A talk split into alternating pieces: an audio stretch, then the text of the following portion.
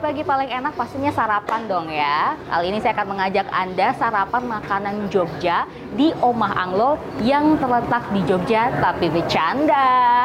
Omah Anglo ini terletak di Bekasi Barat. Gak usah nunggu lama-lama lagi, yuk kita sarapan.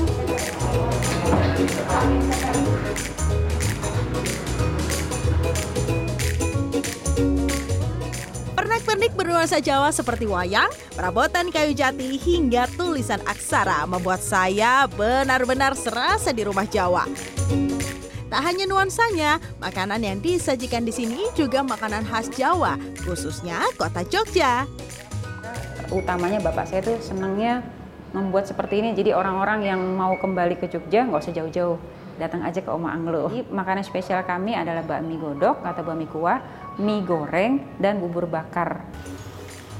Uniknya, rumah makan ini menggunakan tungku sebagai pengganti kompor. Konsep dapur yang terbuka juga menjadi daya tarik di tempat ini. Saya pun bisa melihat sang koki beraksi memasak mie godok yang saya pesan. Yeay, ini udah ada makanannya, ada mie godok Jawa sama ada namanya bubur bakar gudeg karena buburnya ini masih panas. Saya mau coba langsung makan mie godoknya dulu deh. Ini kalau kelihatannya teksturnya wah, ini kental ya dibandingkan dengan uh, mie godok yang lain. Kita langsung coba aja rasanya seperti apa. The moment of truth.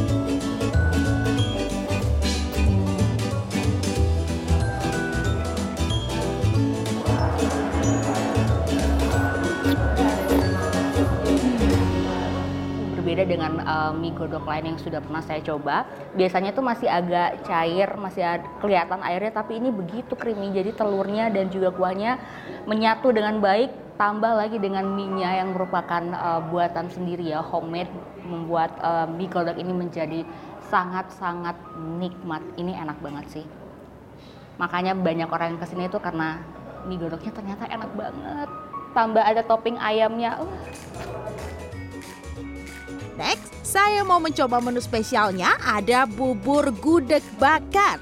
Bubur ini disajikan di dalam klepot gerabah. Wih, isinya melimpah ya. Ada kreceknya, telur pindang, ayam suwir, dan tentu saja gudeg. Selamat makan! Saya bukan orang Jawa, tapi biasanya saya pernah makan gudeg ada yang manis, ada juga yang gurih. Kalau yang ini dia tipe gudeg yang gurih dan enak campur dengan makanan-makanan lainnya ada ayam, krecek dan juga buburnya juga menjadi sesuatu yang sempurna ketika masuk dalam mulut. Cuman memang porsinya agak besar, jadi ini bisa dimakan untuk dua atau tiga orang lah kira-kira. Biar pagi-pagi tubuh dan pikiran lebih rileks, saya pesan wedang uwu. Wah, seger banget. Harganya cukup terjangkau. Mie godok dibanderol Rp28.000, sementara bubur bakar godok Rp25.000 dan Rp12.000 untuk segelas wedang uwu.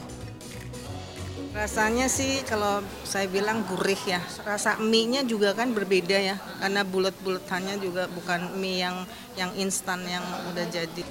Kenyang kulineran, jangan lupa mampir ya ke pojok oleh-oleh yang menyajikan cemilan dan mainan tradisional tempo dulu.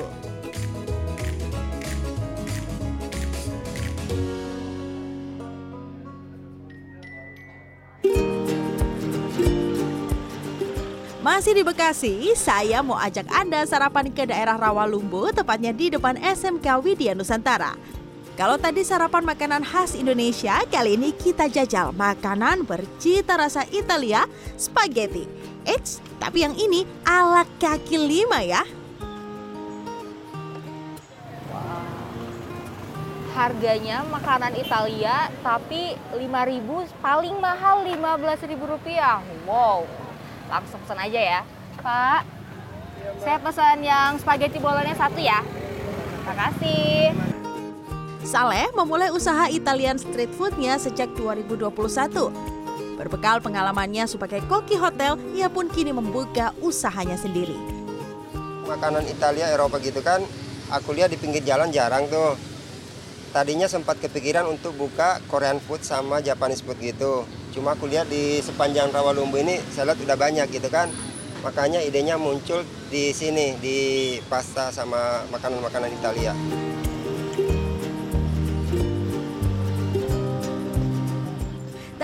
Spaghetti saya udah jadi nih. Buon appetito! Halo, jadi seperti inilah bentuknya spaghetti bolognese harga Rp5.000. Tadi saya pikir em, sedikit, ternyata lumayan banyak nih. Kita coba rasanya kayak apa ya. Rasanya enak untuk harga Rp5.000. Pantas ya banyak anak-anak yang pesan ini tiap hari. Saleh menjual spaghetti dengan harga kaki lima karena sebagian bumbunya ia racik sendiri, seperti saus tomat dan saus carbonara. Selain spaghetti, Saleh juga menjual makaroni skutel dan mac and cheese. Harganya yang ekonomis membuat aneka pasta ala Saleh laris manis. karena eh, udah enak terus murah kenyang lagi kenyang lagi kenyang Iya. Last but not least, ya saya juga mencoba fettuccine carbonara. Sama seperti spaghetti ya, tekstur pasta fettuccine terasa pas di lidah, tidak lembek ataupun keras. Hmm, pokoknya al dente. Tim Liputan CNN Indonesia.